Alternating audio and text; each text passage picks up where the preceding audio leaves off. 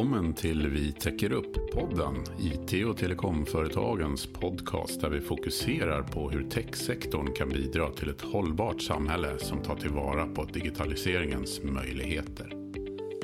I det här avsnittet fokuserar vi på det sistnämnda, hur digitalisering och hållbarhet går hand i hand och hur ny teknik, innovationer och digitala lösningar kommer att vara avgörande för en hållbar omställning av samhället. Med oss har vi IT och telekomföretagens Frida Faxborn som jobbar som näringspolitisk expert med fokus på hållbarhetsfrågor. Frida kommer att leda oss igenom dagens avsnitt där vi träffar Mats Lindgren på Kairos Future och Stefan Nilsson på Foxway. Varmt välkommen till podden Frida. Tack David. Kan inte du introducera dig och berätta om frågorna som du har på ditt bord? Absolut. Jag är ju då näringspolitisk expert med ansvar för hållbarhetsfrågor och det är ju frågor som under mitt år på förbundet har fått ett ökat fokus både i samhället i stort och i branschen och så även hos oss. Eh, coronapandemin har ju haft en stor påverkan i, i den riktningen såklart. Och det som vi eh, som branschorganisation strävar efter det är ju att synliggöra branschens viktiga bidrag för att möjliggöra en hållbar samhällsutveckling men också att utveckla branschens eget hållbarhetsarbete i en positiv riktning. Eh, och när jag säger hållbarhet så eh, menar jag då i det stora perspektivet, det vill säga både miljö och sociala aspekter och styrning och ledning. Men min roll då, det innebär först och främst att tillvarata våra medlemmars intressen på hållbarhetsområdet och inte minst genom politisk påverkan i särskilt viktiga frågor. Eh, men jag jobbar även med hantering av remisser och EU-konsultationer, att informera medlemsföretagen om pågående utveckling, till exempel då kring initiativ på EU-nivå genom eh, omvärldsbevakning. Och eh, hållbarhetsfrågor har ju inte sällan sin grund i internationell lagstiftning så EU-bevakningen är av särskilt stor vikt på det här området. Och givet att de här frågorna nu har fått en allt större plats och roll i vårt samhälle så även vår riksdag och regering är väldigt aktiva på området. Eh, men det gäller ju såklart att alla de här olika initiativen hänger samman och inte skapar hinder för våra företag att bli mer hållbara eller att skapa cirkulära affärsmodeller. Så det handlar ju lika mycket om att skapa rätt förutsättningar för branschen att verka och växa och konkurrera på bästa sätt. Digitaliseringen sägs ju vara lösningen på många av de utmaningarna som vi står inför och i omställningen till ett hållbart samhälle. Men på vilket sätt? Hur bidrar branschen? Ja, men digitaliseringen har ju en jättestor betydelse när det gäller att bygga ett hållbart samhälle och ett hållbart samhälle består ju av många olika delar. Till exempel smarta städer och byggnader och nät och smarta transporter. Men även en smart statsförvaltning och välfärd och skola och, och massa mer såklart. Och det här möjliggörs ju av en rad olika digitala lösningar och tekniska innovationer som då till exempel leder till minskade industriutsläpp eller smartare energianvändning eller för att optimera transporter. Eh, och 5G-nätet är till exempel en jätteviktig komponent i en sån utveckling som kräver en mycket större datahantering. Ehm, så det kommer att krävas en omställning av hela samhället för att bli mer hållbart och på alla nivåer och inte minst för att kunna leva upp till de internationella åtaganden som Sverige faktiskt har skrivit under på och åtagit sig. Så techbranschen är en grundläggande möjliggörare för den utvecklingen skulle jag vilja säga. Men det händer ju inte av sig självt eh, utan det kräver som jag, som jag nämnde tidigare att rätt förutsättningar finns på plats och det, det är där jag och mina kollegor försöker påverka i rätt riktning tillsammans då med våra medlemmar. Kan du berätta mer konkret hur IT och telekomföretagen jobbar med dessa frågor? Ja, men jag beskrev lite övergripande tidigare då vad jag gör, men vad jag jobbar med för frågor tar ju fram sin utgångspunkt i vad vårt hållbarhetsråd tycker är av störst vikt och, och såklart den utveckling som, som sker, det går ju, och det går ju ofta hand i hand. Men vårt eh, hållbarhetsråd det samlar ungefär 30-talet medlemsföretag hos oss som har då ett särskilt engagemang i de här frågorna. Eh, och jag kan ju ge några exempel på de frågor då som vi eh, ägnar vår tid åt och som jag också lägger min, mitt fokus på. Eh, och först så vill jag då nämna det här eh, initiativet Agenda 2030 som vi lanserade i vintras. Och det är då en samlingssida på vår hemsida där vi synliggör branschens bidrag till att uppfylla de här globala hållbarhetsmålen och eh, dagens samhällsutmaningar och det gör man på såklart väldigt många olika sätt. Och det är ju extra kul att kunna visa på just den bredden. Och ett av syftena med eh, det här synliggörandet är inte minst då att inspirera fler företag att bidra till en hållbar samhällsutveckling. Och det finns ju också kontaktpersoner till alla de här initiativen på, på vår hemsida så det går ju jättebra att höra av sig till respektive företag om man vill veta mer eller diskutera idéer och tankar. Men det här är i alla fall ett initiativ som Hållbarhetsrådet har varit mycket angeläget om med, all, eh, med full förståelse. Så det är såklart väldigt roligt att det där är up and running nu. Och om man är ett medlemsföretag som vill synas där så går det ju jättebra att höra av sig till, till mig och vi lyfter även de här exemplen i våra sociala kanaler också för att få ökad spridning. Så det är väldigt roligt. En annan fråga som vi har ägnat mycket tid åt nyligen det är att ta fram en branschståndpunkt om den statliga utredning om pantsystem eh, för små elektronik eh, med särskilt fokus på mobiltelefoner som pågått sedan i somras. Och syftet med den utredningen det har varit att ta fram eh, förslag för att öka insamlingen och återvinningen av mobiler och surfplattor och annan mindre småelektronik. Eh, för att på så sätt då bidra till giftfria och resurseffektiva kretslopp och en cirkulär ekonomi. Ehm, och ett, ett sådant eventuellt pantsystem skulle ju såklart påverka eh, branschen i, i väldigt stor utsträckning. Så då tillsatte Hållbarhetsrådet en mindre arbetsgrupp som tog sig an uppgiften att för branschen då eh, titta på alternativ till inrättandet av ett sådant system. Eh, och, och, det är jätteviktigt att elektronikskrot samlas in och återvinns på ett korrekt sätt och det är ju branschen såklart eh, självklart för. Så det är inga konstigheter. Men ett pantsystem är vi mer skeptiska till. Så vi, men vi har haft en väldigt god kommunikation med utredningen och nu hoppas vi att eh, politiken också kan lyssna både till utredningens slutsatser och eh, ja, om bästa väg framåt och eh, i kombination då med vad branschen vill se och bidra med. Vi båda förespråkar ett eh, stärkt producentansvar för att samla in mobiltelefoner för återanvändning, eller i sista ledet återvinning då. Istället för ett eh, kostsamt inrättande av ett pantsystem för att främst då samla in den eh, historiska upplagringen i hemmen. Så genom ökad information, tror, eller vi tror främst då på ökad information för att ändra människors inställning och beteende till att lämna, lämna ifrån sig sin telefon och på eh, då ökad återanvändning främst. En annan fråga som eh, ständigt är närvarande i hållbarhetsrådet är den svenska kemikalieskatten som infördes 2017 på hemelektronikprodukter som då innehåller vissa flamskyddsmedel för att minska mängden av ämnet i svenska hushåll. Det är syftet. Ehm, och det pågår just nu en översyn av den skatten och Kemikalieinspektionen och Skatteverket har i en första delrapport eh, kommit fram till att skatten inte har varit kostnadseffektiv utan hittills mest varit administrativt betungande och tidskrävande och kostsam för företagen. Och det är ju vår bedömning också. Så vi har en kontinuerlig och stundtals ganska intensiv kommunikation med, med utredningen och inte minst för att tydliggöra vad, vad vi eh, vill se för förändringar av skatten. Men även för att bistå med korrekt information ifrån branschen till utredningen.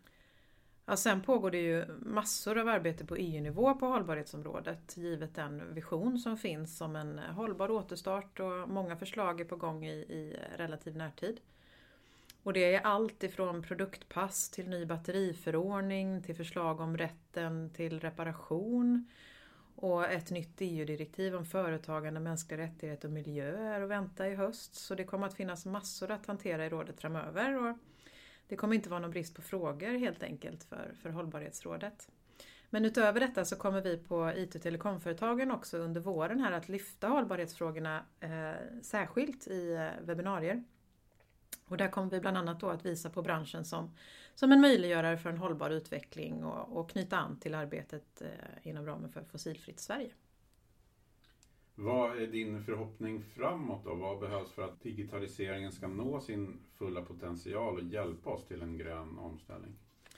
Ja, men jag hoppas såklart på att eh, Sveriges regering faktiskt menar allvar med sitt mål om att Sverige ska vara bäst i världen på att tillvarata digitaliseringens möjligheter. Eh, men för att det ska bli verklighet så krävs ju faktiskt en offensiv digitaliseringsstrategi med satsningar som ger verklig effekt och som underlättar utvecklingen och inte hindrar den enorma kraft som finns i branschen för att minska sin klimatpåverkan. Och att, att hjälpa andra med detsamma och att bli mer cirkulära i sin, sin egen organisation. Eh, men inte minst då för att eh, hjälpa konsumenter att göra kloka val. Så här är ju även kompetensfrågan superviktig och jag vet ju att vi har ägnat ett tidigare poddavsnitt åt, åt kompetensbristen. Eh, men, men givet den bristen i branschen så ser vi att det krävs ordentliga satsningar på utbildningsområdet för att eh, Sverige inte ska halka efter vår omvärld då på techområdet och det gäller ju även på hållbarhetsområdet. Och I början av mars så presenterade EU-kommissionen en, en, digital kompass för ett digitalt kraftfullt Europa senast 2030. Och det är kommissionens ordförande Ursula von der Leyen som vill göra 2020-talet till EUs digitala decennium där alla medborgare och företag får tillgång till det bästa som den digitala världen erbjuder. Och det välkomnar vi såklart och uppmanar den svenska regeringen att ta fram en plan som visar inriktning och prioriteringar och som adresserar vilka utmaningar som kan lösas med hjälp av digitalisering. Och förra veckan eh, så, så, signerade EUs medlemsstater och Norge och Island en deklaration om grön och digital omställning som innehåller en rad åtaganden på nationell nivå för att påskynda grön digital teknik för en bättre miljö. Eh, och de åtagandena handlar om eh, allt möjligt men till exempel att, att hjälpa städer att bli mer gröna och digitala och att bidra till användningen av klimatneutral och hållbar europeisk infrastruktur för moln och eh, blockchain. Och att göra offentlig upphandling grön som standard. Och det här är ju jätteviktiga åtaganden som Sverige skrivit under på att främja och genomföra.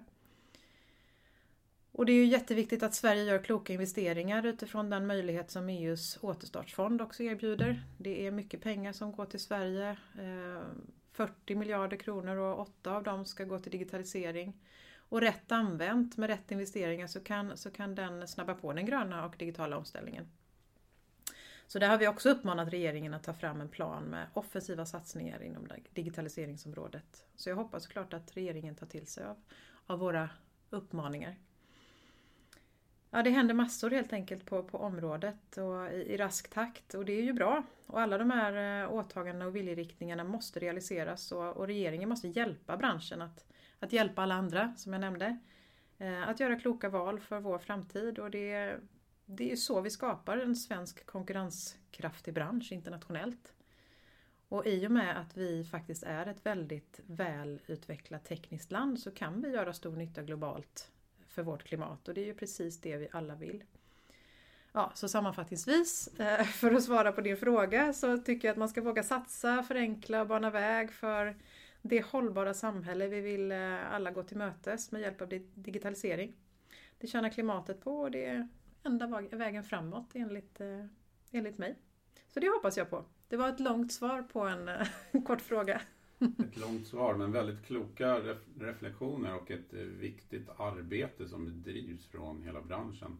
Och då lämnar jag med varm hand över till dig som ska introducera dagens första gäst. Stort tack David! Tack Frida!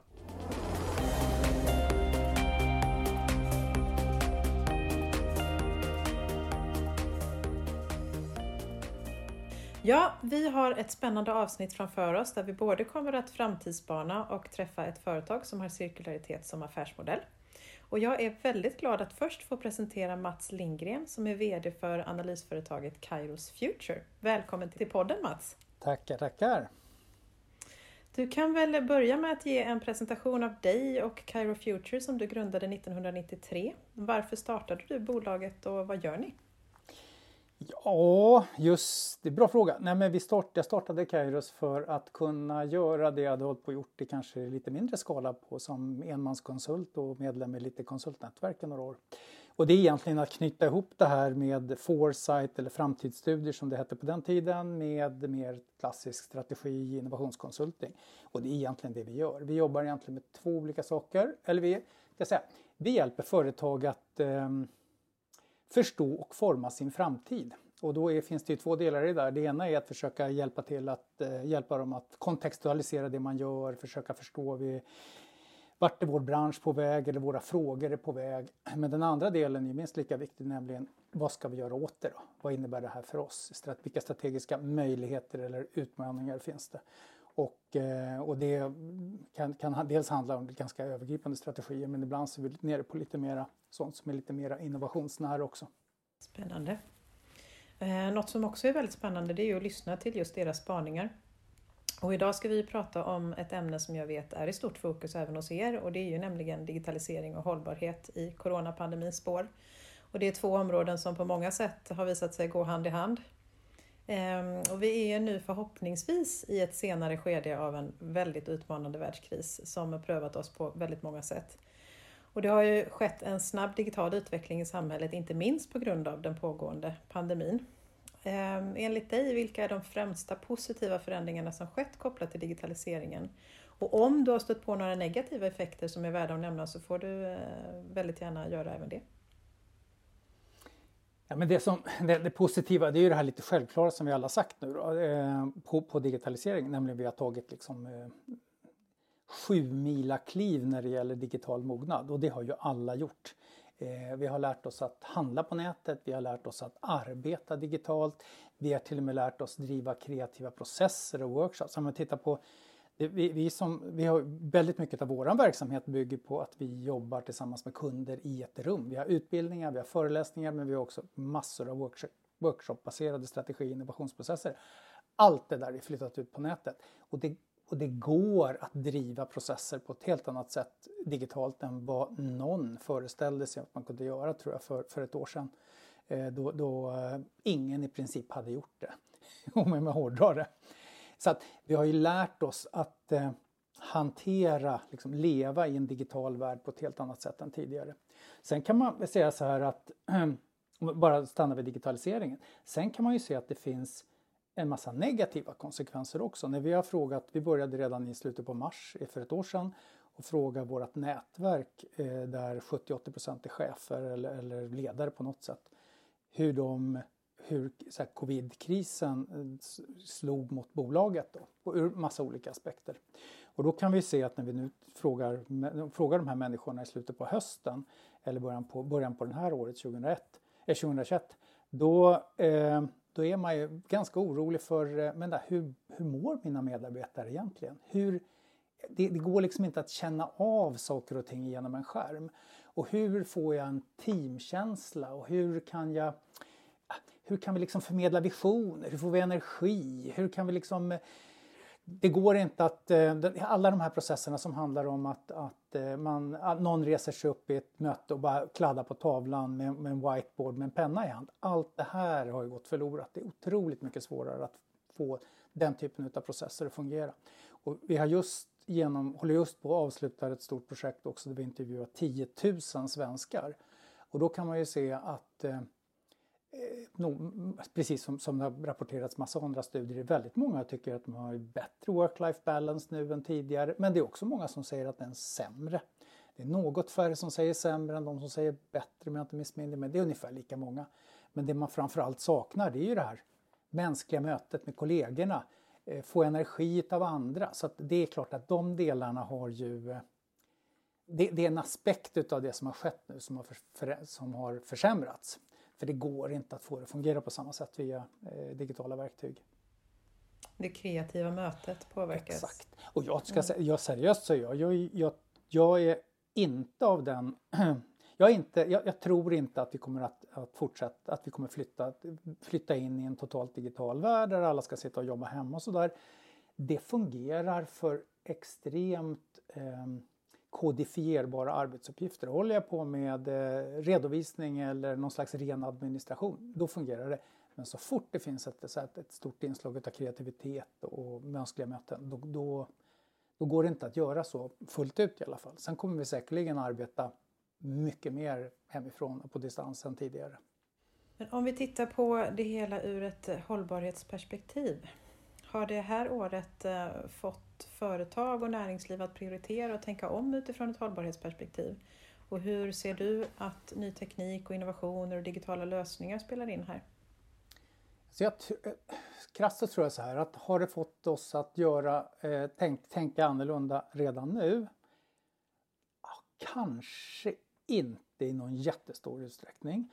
Men det som har skett är ju att vi plötsligt upptäcker att allting är möjligt. Alltså det var ju ingen som trodde att det som har skett under det här senaste året skulle vara möjligt att genomföra. Men att till exempel ta fram nya vaccin på mindre än ett år. Det var en totalt omöjlig uppgift tidigare. Det skulle ta 5, 6, 7 år att få igenom kliniska prövningar och så vidare.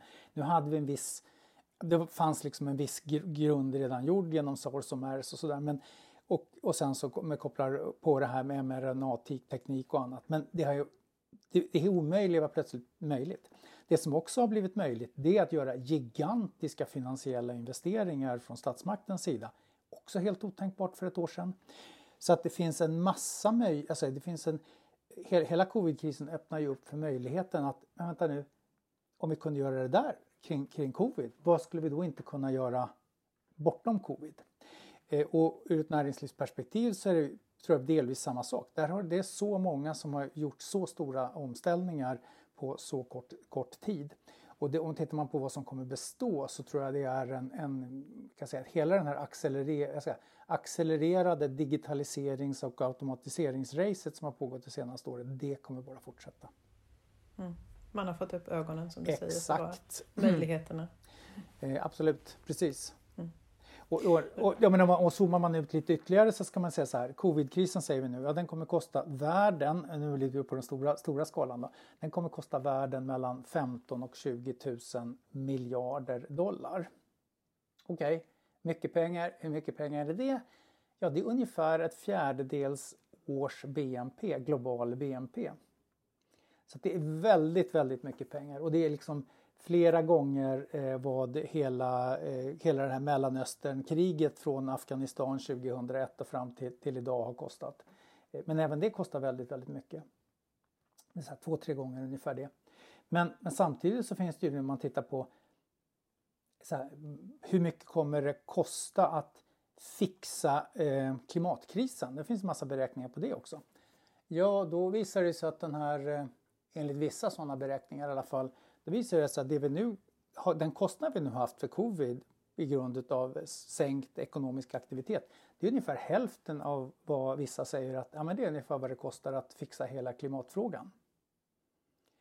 Vilket ju talar för att ja, kan vi, göra, kan vi, liksom, kan vi ta en smäll, stänga ner länder för att, på, på ett sådant sätt som vi har gjort och få en sån otroligt kraftig effekt på ekonomin, ja då borde vi väl kunna lösa klimatfrågorna också. Ja, vi får hoppas att det är så och jag menar, enkelt. Tro, och jag menar, per, personligen så tror jag att den här typen av insikter, det kommer vara en av frukterna utav, i, i efterdyningen utav covidkrisen. Mm. Mm. Och du nämnde ju också det här med, med ehm, statlig ekonomisk finansiering och, och ett ökat, eh, ett, en ökad sådan. Eh, men har du några ytterligare reflektioner kring politiken och hur beslutsfattare har agerat ehm, eller agerar eller kommer att agera framöver för att främja hållbarhetsarbetet och, och den utveckling vi nu sett i positiv Det är en bra riktning. fråga naturligtvis. För att det som har skett i hela, hela covidkrisen det är ju egentligen att den har ju accelererat en massa processer som bara var på gång och de processerna en del har varit positiva som till exempel digitaliseringen utav arbetsliv och, och våra beteenden och så vidare. Men den har ju också alltså, accelererat en viss, och, och den har accelererat en del så konsumenttrender som redan var på gång. Eh, men den har också accelererat en del andra trender som också var på gång, nämligen protektionism. Eh, och det gör ju att eh, det finns, det finns ju flera olika scenarier, men ett scenario det är ju faktiskt att vi nu går in i en epok där, där det faktiskt blir mycket mer av regionala konflikter snarare. Det vill säga det blir ett USA, ett Europa, ett, ett totalitärt block med Iran och Kina och Ryssland och sen håller vi på och liksom slåss, slåss om liksom framtiden. Det andra scenariot är att faktiskt alla tar sig i kragen och inser att men vänta nu, eh, vi behöver nu eh, vi behöver nog försöka få, få, till ett samarbete så att det fungerar. Låt oss hoppas på det sistnämnda. Ja exakt och det är väl så här, det finns ju tecken åt båda hållen men just nu så är det ju en ruskigt race om att få till det där vaccinet mm. som verkar överskugga mm. allt annat. Ja, vi får verkligen hålla tummarna för det. Eh, vad tror hållbarhetsexperterna då? Kommer coronapandemin att ha förändrat hållbarhetsarbetet i grunden framöver? Um, vad är coronapandemi och vad är inte coronapandemi i det där? Det, det, det tror jag är den stora frågan. Men, men det vi ser, om vi bara liksom tar det ett steg bakåt. Det vi ser idag det är ju att hållbarhetsfrågorna flyttar upp på dagordningen. Inte minst inom näringslivet. Vi har jobbat med ett, ett av världens största skogsbolag här nu i ett, under den här covidkrisen. Allting digitalt med workshops med hundratals personer och sådär. Och det är så uppenbart att det här är ett skogsbolag som då vet att man dessutom är rätt så utsatt när det då handlar, jag menar, skogsfrågor är liksom inte självklara hållbarhetsfrågor. I Sverige tycker vi att det är det men inte resten av världen så tycker man definitivt inte det. Skogsbruk är inte bara hållbarhet. Och ändå så sitter de och, och konstaterar det här bolaget att på högsta, högsta nivå att nej, vi måste ju alltså, driva en mer driva sustainability-frågorna. Det är våran stora fråga. Det är det som vi behöver ägna de närmaste 20, 30, 40, 50, 60 åren. Vi måste ställa om. Och de är ju inte ensamma om det. Du har ju bolag efter bolag som går ut och eh, lovar nu att man ska vara klimatneutrala till 2030 eller 2040 eller åtminstone reducera sitt fotavtryck. Och det här tror jag det är en process som, som eh, man, kan, man kan fundera på vad är mekanismerna bakom det här? Är det greenwashing eller är det, finns det seri någon slags seriositet bakom? Eh, och förmodligen så handlar det om två saker, eller flera saker. En är ju naturligtvis att, att se bra ut i, i, i kunder och så vidare, deras ögon. Men den andra delen handlar om, alltså två andra delarna handlar nog om att ett, ja, ska, om vi ändå som bolag behöver tänka lite mer långsiktigt så måste det finnas en värld där vi kan kränga prylar i på lite längre sikt. Och det tredje, det är faktiskt att alla, såna här för, alla organisationer leds av människor. Och har du en massa människor i företagsledningar som har barn och kanske till och med barnbarn och börjar tänka 50-100 år framåt. Ja, då inser man att nej, men jag kommer inte kunna stå till svars för vad jag har gjort om jag inte gjort allting jag kan. Och börjar de allra största företagen nu, vilket nu ändå är på gång, även om än från en, liksom en en, en liten skala, om de börjar eh, eh säga det att vi ska CO2-neutrala till 2030 som Siemens till exempel har sagt. Ja men då måste de ju sätta samma press på alla sina underleverantörer eh, som måste sätta press på sina underleverantörer och så måste de se till att följa upp det där för att om det inte sker så kommer de bli uthängda i pressen. Så det blir ett enormt, kommer bli ett enormt tryck, eller skulle kunna bli ett enormt tryck på egentligen hela näringslivet utifrån att ett antal av de allra största bolagen bestämmer sig för att det, det vi ska ställa om. Och, det, jag tycker det finns ganska mycket tecken som, som talar på det, och för det. Och hela den här covidkrisen tror jag den kan fungera lite som en, en, en, en väckarklocka eller som en möjliggörare ungefär den här mekanismen att ja, om, allt, om det här är möjligt, då är det där också möjligt. Och det är väl lite en fråga om överlevnad också och vi har ju en, en eh, en generation här som är otroligt, eh, alltså en kommande generation som är otroligt medveten och ställer ja, höga krav. Så att, ja, eh, så ja. Mm. ja, det blir svårt att rekrytera men det är också samma sak som de säger i den här koncernledningen på det här företaget jag jobbar med. Men att, konstaterar de så här, ja det spelar ju ingen roll för vi måste ju mm. göra det här. Det är inte liksom en fråga om ska vi eller ska vi inte. Det finns bara att nej, här, vi måste göra det. Ja, det är en positiv utveckling definitivt. Du Mats, eh, jättetack för ja. att du delade din framtidsspaning med oss. Det ska bli väldigt spännande att fortsätta följa er. Eh, har du kanske någonting att avslöja om vad som kommer härnäst? Något, eh, någon aktuell rapport eller något som, som du vill? Just det, någon aktuell rapport. Nej men det kommer, det kommer komma ut lite eh, publika grejer ur det här, ur det här eh, stora projektet med de 10 000 svaren som vi nu precis har samlat in.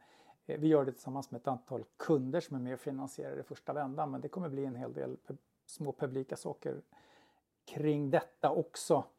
Eh, som handlar om hur vi egentligen prioriterat om här i covidkrisen och det är faktiskt, det kan jag avslöja, det är ändå en, någon, eh, jag tror att det är 20-25 procent eller något sånt där som har fattat ganska drastiska livsval till följd av covidkrisen. Spännande. Du, det håller vi utkik efter helt enkelt. Det gör vi. Ja, tack igen Mats för att du var med oss i Vi täcker upp-podden. Ha det gott. Tack. tack.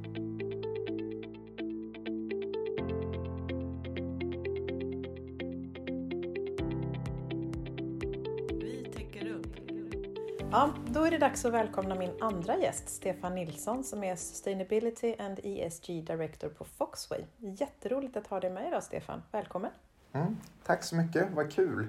Jag tänker att du kan få börja med att berätta lite kort om vem du är och vad Foxway är för företag och vad ni erbjuder. Ja, eh, Foxway, det är ju lite hemskt att jag tror inte så många känner igen Foxway som namn. Vi har varit lite så här eh, lurat i vassen kan man väl säga. Nej men vi är ett, eh, ett företag som är idag någonstans 600 medarbetare. Eh, vi är lite annorlunda på så sätt att vi har väldigt många specialister inom vad vi kallar hållbarhet eller förlänga eh, IT-produkters liv. Så att utav vårt team så är absolut de allra flesta, jag skulle säga 400-500 är specialister på att uppgradera och reparera och fixa och putsa teknologi, mobiler och paddor och eh, datorer. Eh, men eh, i grund och botten så är vi en, ett företag som hjälper stora företag, operatörer, offentlig sektor att ha IT-arbetsplatser. Vi kallar det på engelska workplace då. Så vi är liksom navet i, i leverans av IT-tjänster, arbetsplatser och teknologi för väldigt många företag. Och varför man inte har hört Foxway tror jag det är att vi är en sammanslagning av Lean Education som jag tror många känner till. Eh, Excellence som har varit underleverantör till några av de största IT-företagen i Norden. Och ett företag som heter Replace Group som har varit väldigt stora för operatörer och se till att de har fått en cirkulär hantering av mobiler. Eh, så gick vi samman i 2019-2020 och bytte då namn till Foxway som vi tycker är ett jättefint namn. Absolut, ett jättefint namn. Men du, hur hamnade du på Foxway? Eh, jo, det var för jättelänge sedan, 2010. Eh, så jag och eh, Martin Backman som nu är våran Group CEO eller VD då för eh, företagsgruppen Eh, och ytterligare ett par stycken. Vi startade ett företag eh, för att tillhandahålla IT-arbetsplatser för stora företag. Vi tyckte det fanns liksom ett glapp och ett utrymme för att göra mer eh, hållbara tjänster helt enkelt. Så att, eh, jag var medgrundare till Foxway och sen från att ha varit medgrundare och då får man vara lite mer allt i allo som entreprenör till att ha jobbat med strategifrågor så är jag numera också efter en, en del utbildningar och engagemang eh, inom hållbarhet så har jag då tagit positionen som hållbarhetsansvarig för gruppen. Ett jobb jag älskar, så det har jag varit från och med typ i höstas då. Men du, om vi, vi pratar lite mer om Foxway och eh, er affärsmodell bygger ju på cirkularitet. Kan inte du berätta lite mer om eh, det? Ja, det är ju, ser man på, vi kommer väl gå in mer så på utmaningar och problemställning för företag och sådär så, så kommer ju det att koppla kanske mer till eh, vad Foxo gör och vad vår affärsmodell är på det viset. Men om man, om man tar en utgångspunkt i ett globalt perspektiv. Foxway är ju då också ett företag som i och med att vi har mestadels ganska stora organisationer och, och kunder så har vi haft och gjort det varit att vi har tjänsterna globalt erbjudna även om vi har givetvis fokus och är, har huvudkontoret i Sverige och Norden.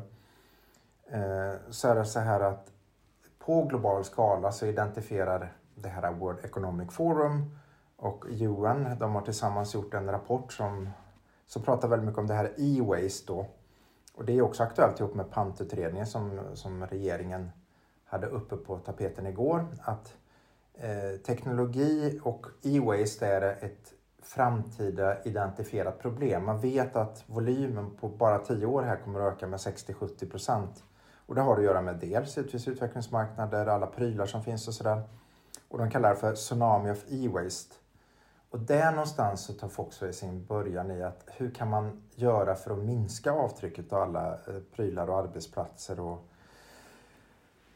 all teknik som kommer in. Så förlänga hållbarhet, eh, se till att man kan erbjuda det på alternativt sätt, se till att man reparerar, uppgraderar men också säkerställer att företag kommer in i en cirkularitet. För så har det inte varit. Det har varit en linjär modell, i synnerhet i Norden. Man upphandlar och tänker linjärt och så är det fortfarande, speciellt inom offentlig sektor. Mm. Så det, det är någonstans är vår utgångspunkt, det är att försöka minska det avtrycket. Ja. kan man säga. Super, superspännande och intressant och väldigt, väldigt viktigt. Ehm, jag tänker, ehm, vilket avtryck har egentligen ett företag och en konsument på miljön vad gäller just teknikprodukter som mobiler och datorer? Ja, till, till att börja med så, börjar, så kan man utgå från beteendet om man ska vara rent krast faktiskt.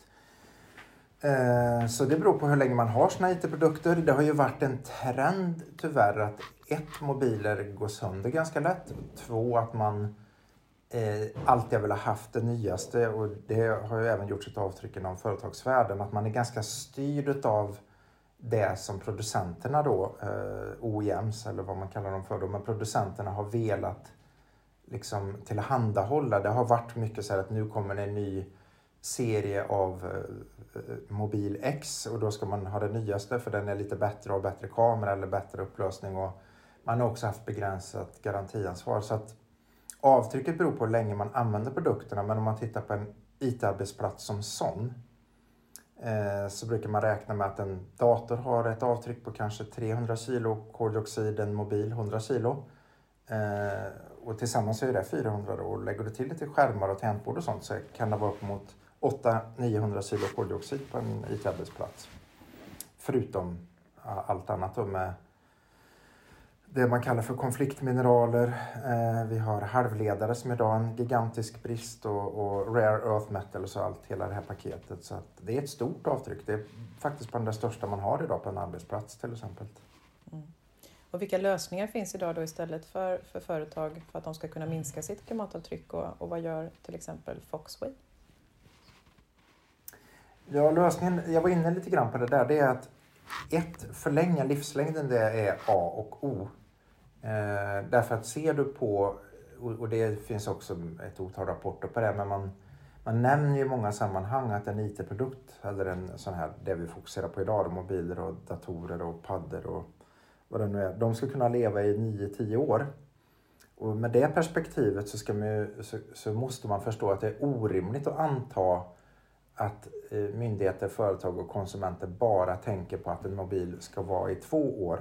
Och det är inte så heller. Vi ska veta att Norden är ett föregångsland på det man kallar för reuse eh, eller återanvändning och vi har ju, det är bara att titta var den är så finns det ju mängder och en uppsjö av erbjudanden för att köpa begagnat.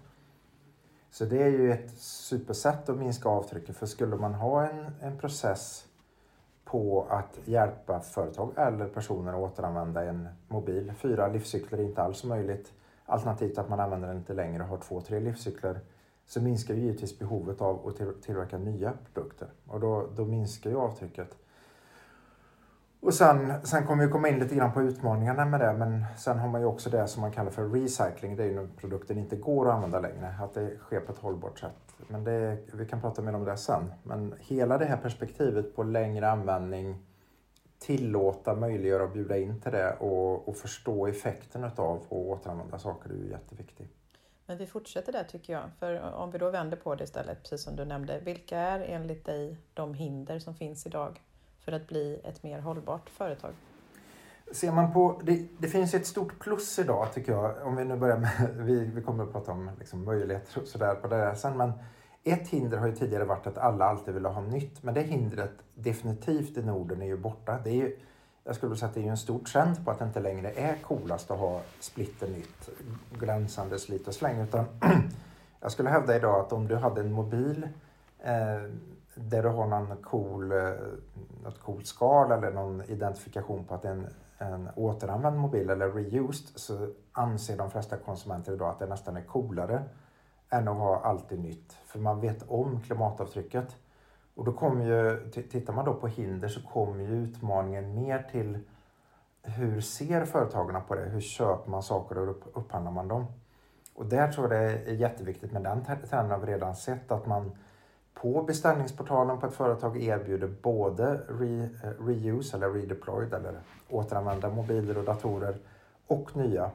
Och tidigare har det ju funnits teknikhinder för det här till exempel med att man var tvungen att ha en exakt samma serie på operativsystem för att annars funkar inte IT-supporten eller man, man hade begränsade garantier och du kan inte ha användare som kanske inte har fungerande grejer och så. Men det där har ju Eh, över tid byggts bort. Dels med Windows 10, vi vet att det idag sköts uh, via molnet, uppdateringar på datorer, inte via eh, fasta image och IT-avdelningar. Vi vet att mobiler idag uh, gör ett byte av en mobil inte särskilt svårt. Det är ingen stor process att byta en trasig mobil till en ny.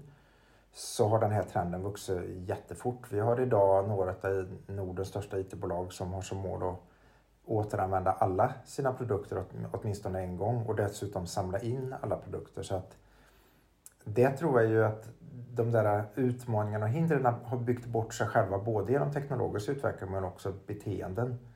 Sen, sen finns det, jag vill göra en varning för myndigheters inblandning som ibland är välmenande men inte slår rätt. Det kommer att komma till offentlig sektor sen säkert men men sen finns det också en sak som vi ska vara vaksamma på tror jag i den här branschen. Jag vet inte om det är okej att gå in på det men ser man på, jag menar det var ett år sedan här en norsk dokumentär om eh, e-waste till Afrika. Alla har säkert hört talas om Agblog Blosh i, i Ghana och sett någon dokumentär om hur horribel återvinning och, och recycling när produkter är döda, hur det hamnar där. Och det finns ju även nordiska IT-produkter givetvis där. Det, var, det visade på hur norska datorer och elprodukter gick via smuggling från Bergen i Norge ner till Afrika för att slippa kostnaderna för producentansvar. Jag menar, vi kan ju titta på Sverige. Vi hade ju Think Pink-skandalen med det här sopberget som brinner söder om Stockholm. Eh, utspridda påsar. Vi hade jag menar, insamlingen av återanvända elbilsbatterier som var slängda på åkrar i Örebro. Det var ju bara ett år sedan eh, det kom, kom om det. Och vi hade insamlingen av alla kvicksilverbatterier vi hade här på, i 90-talet och i början på 2000-talet som de facto hela den batteriinsamlingen hamnade i händerna på kriminella i Tyskland och såldes sen ner till, till illegala gruvor i tredje världen. Och jag tror att vi måste också ha en relevant syn på vilka aktörer som är seriösa och inte i den här branschen. Därför att en sak är ju att vara en del av ett ekosystem, att man köper, säljer och tradar återvunna saker är en annan sak och ta ett ansvar som, en, som några som möjliggör hållbarhet genom dokumenterad reparation och processer och sådär. Och det finns ju ett antal företag även där men jag tror att, att man bör som företag och bransch vara vaksam även på det. Eh, och det finns exempel på, jag menar, vi kan, om vi ska se hinder, vi ser ju kommuner och företag idag som tycker att de ska trade begagnat elskrot eller elprodukter själva för att maximera sin vinst eller minska sina kostnader och det tror jag kanske inte är rätt väg att gå utan jag tror man ska, ska liksom ha partnerskap med en seriös aktör som hanterar det här på ett säkert sätt. Liksom. Så det är väl en feedback på hinder där. Jag menar, det är, och det är ju ingen slump att det har varit så mycket skandaler. Det är ju för att det finns en trend att maximera eh, vinst och minimera kost på kort sikt och kanske inte se helhetsbilden. Ser ni några lagstiftningsmässiga hinder som, sätter, eller som hindrar er i er Foxway-verksamhet för att eh, jobba med cirkularitet? Mm, faktiskt inte egentligen. Jag tycker lagstiftningen går ju åt rätt håll, i synnerhet på EU-nivå. Eh, jag menar, vi ser att EU nu har den här lagstiftningen om right to repair. Det är ju superviktigt att man sätter press på producenter och tillverkare att det ska vara möjligt att reparera produkter. Ja, men det är ju en jättepositiv trend inom EU. Eh, man har ju även det här med att man kommer att sätta krav på, är det tydligt, med uppdatering av operativsystem och appar. Eh, vad man menar med det är ju att eh, till exempel BankID var ett exempel. att Kan du ha BankID på en åtta år gammal mobil? Tveksamt.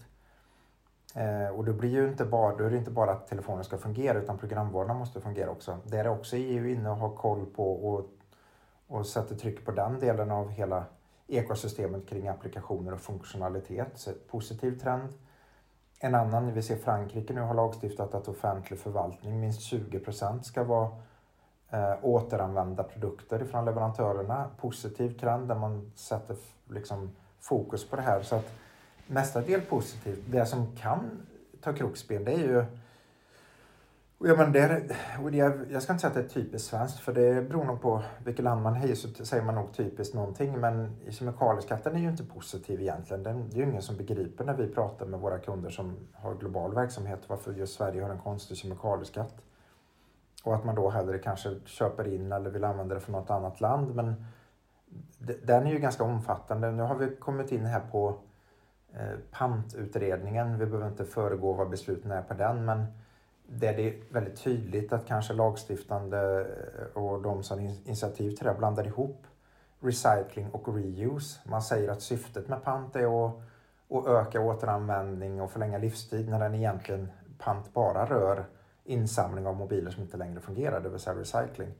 Och då kan ju ett sådant initiativ faktiskt minska återanvändningen därför att många konsumenter kanske inte ens förstår skillnaden på pant eller återvinning. Eh, så jag tror att man som myndigheter ska göra kanske som EU har gjort, att man tillsammans med näringslivet hittar bästa möjligheter för att och få en längre hållbarhet istället för att gå in och, och detaljpeta på symbolfrågor. Det är ju bara en, en, känsla man kan ha, men det tror jag man ska akta sig för och speciellt då när Sverige jag menar, I Norge avfärdade man ju panten. De hade precis samma process och samma utredning och samma konklusion. Men Sverige väljer att gå vidare och det, man bör kanske ta en fundering på varför, varför man inte väntar in EU i till exempel en sån fråga. Foxway, vi, som ett exempel, vi var initiativtagare och är medgrundare i det som heter eh, European Union Refurbishing Association där vi då tillsammans med alla andra länder går in för att hjälpa till just med återanvändning och förlänga livstid. Eh, hur man möjliggör en, en längre eh, användning av teknikprodukter i EU. Och det tror jag är rätt väg att gå. Så visst kan eh, myndigheter ställa till besvär och vi ser ju även om vi, vi pratar sen om offentlig sektor, men deras eget beteende när de upphandlar produkter är ju högst eh, det, det, påverkar ju ganska mycket. Det är ju en stor volym som går genom offentlig sektor och det, deras beteende och sätt att upphandla påverkar givetvis hur svensk IT-industri eller, eller återvinning, vilka konsekvenser det får även där. Men vi kan ju ta det som en separat fråga tror jag, upphandling och hantering utav det. Men, men självklart spelar det roll. Eh, vilken roll ser du att ny teknik och digitala lösningar kommer att spela i den gröna omställningen framöver? Och hur ser dina förhoppningar ut och vad kommer vi vara 2030? Ja, 2030 det är ju jättelångt fram i synnerhet i teknikbranschen. Eh, men om vi tar visionen någonstans 2025 till 2030 eh, så är jag helt säker på att det här, alla pratar ju AI, det tycker jag är alldeles för komplext i den här frågan med, med hur vi använder teknikprylar. Men någon, någon typ av klok logik med, med insamlad data finns ju redan idag. Jag tror att en sak, en trend vi kommer att se växa jättestarkt, är att man kommer att vilja använda IT baserat på hur det fungerar, inte baserat på hur eh, man repetitivt och linjärt har köpt IT de sista 15 åren. Det här med att upphandla IT i tre år och sen upphandla IT i tre år igen på nytt, på nytt, på nytt jag tror att man kommer att be, gå mycket mer på tjänst och funktion. Har man en fungerande IT-arbetsplats som en, en eh, tjänsteleverantör, Foxwell eller någon annan tillhandahåller så är det det man vill ha. Det är inte så att man absolut måste köpa in 20 000 plus 20 000 datorer på ett företag. Eh, och det kommer att minska avtrycket avsevärt. Nästa sak som jag tror är viktig det är ju det här perspektivet på att också återanvändning och repair use öppnar ju upp för uh, utsatta grupper att få konnektivitet. Jag menar, vi har idag i, i, i EU otroligt många skolor som inte ens har tillgång till IT, elever som inte har en dator med uppkoppling. Tittar vi globalt så är det ju 500 miljoner elever idag som aldrig ens kommer till en uppkopplad dator och det, det är ju ett sånt här socialt ansvar eller rättvisefråga. Vilka möjligheter får de att lära sig utvecklas, bygga företag och komma åt tillgång till teknologi. Och här har ju återvunna reparerade produkter en jätteviktig roll att spela därför att du sänker ju kostnaden och tröskeln för teknik otroligt mycket genom att ha vettiga återvinningssystem. Vi såg nu i Estland så eh, var vi med och fick en ansvaret efter en upphandling att tillhandahålla återvunna datorer för en otroligt låg kostnad till familjer som inte hade råd att skaffa datorer till sina barn som gick i skolan. Det är alltså sponsrat av eh, estniska staten. Och, och den här typen av korskopplingar tror jag är väldigt viktig för det är ett socialt ansvar. menar, de får en fullt fungerande dator som kanske håller i 5-6 år för en fjärdedel av kostnaden vad det skulle eh, vara att skaffa någonting nytt. Och den här typen av beteenden tror jag på både i global skala men fortfarande räcker det med att vi tittar på EU har en jätteviktig roll att spela. Och det sammantaget minskar ju avtrycket avsevärt för att då istället för att köpa någon superbillig eh, slit och slängprodukt så, så får man en bättre produkt men som samtidigt inte alls har gjort samma avtryck. Och reparera en uppgradera en dator idag när vi har gjort, vi, har, vi använder en modell som heter Handprint. Det är en, en finsk modell som är framtaget av teknikuniversitet och finska företag. Så ser vi att den processen vi gör när vi tar in reparerar, uppgraderar och levererar till den där eleven i Estland, den kostar ungefär 10 kilo koldioxid jämfört mot att köpa en ny som skulle innebära ett avtryck på kanske 360. Så där har du 36 gånger lägre avtryck. Och, och det här är ju ett, ett ekosystem av att allt vi hanterar finns i asset-system eller IT-branschen har ju möjlighet att monitorera och se kvalitet, vilka ska uppgraderas, hur länge lever den, fungerar den bra? Och ge, våga ge garanti på produkter tror jag är jätteviktigt. Så hela det här ekosystemet tror jag kommer att växa in som en del av det som tidigare har varit traditionella IT-återförsäljare. Där vi, där vi idag har sett en trend till att det går ut på att vara ett, ett förbrukande bolag som anpassar sig efter miljökrav. Vi har ju, jag tror att som Foxo jobbar, vi har ju miljön som själva kärnan i vår affärsmodell. Den tror jag kommer att växa mycket mer. Det vill säga att hållbarhet är affärsidé. det går inte ut på att dela ut t-shirts eller köpa klimatkompensation eller byta ut affärsresor med flyg till tåg utan att man i kärnan faktiskt jobbar för att få en, en bättre hållbarhet.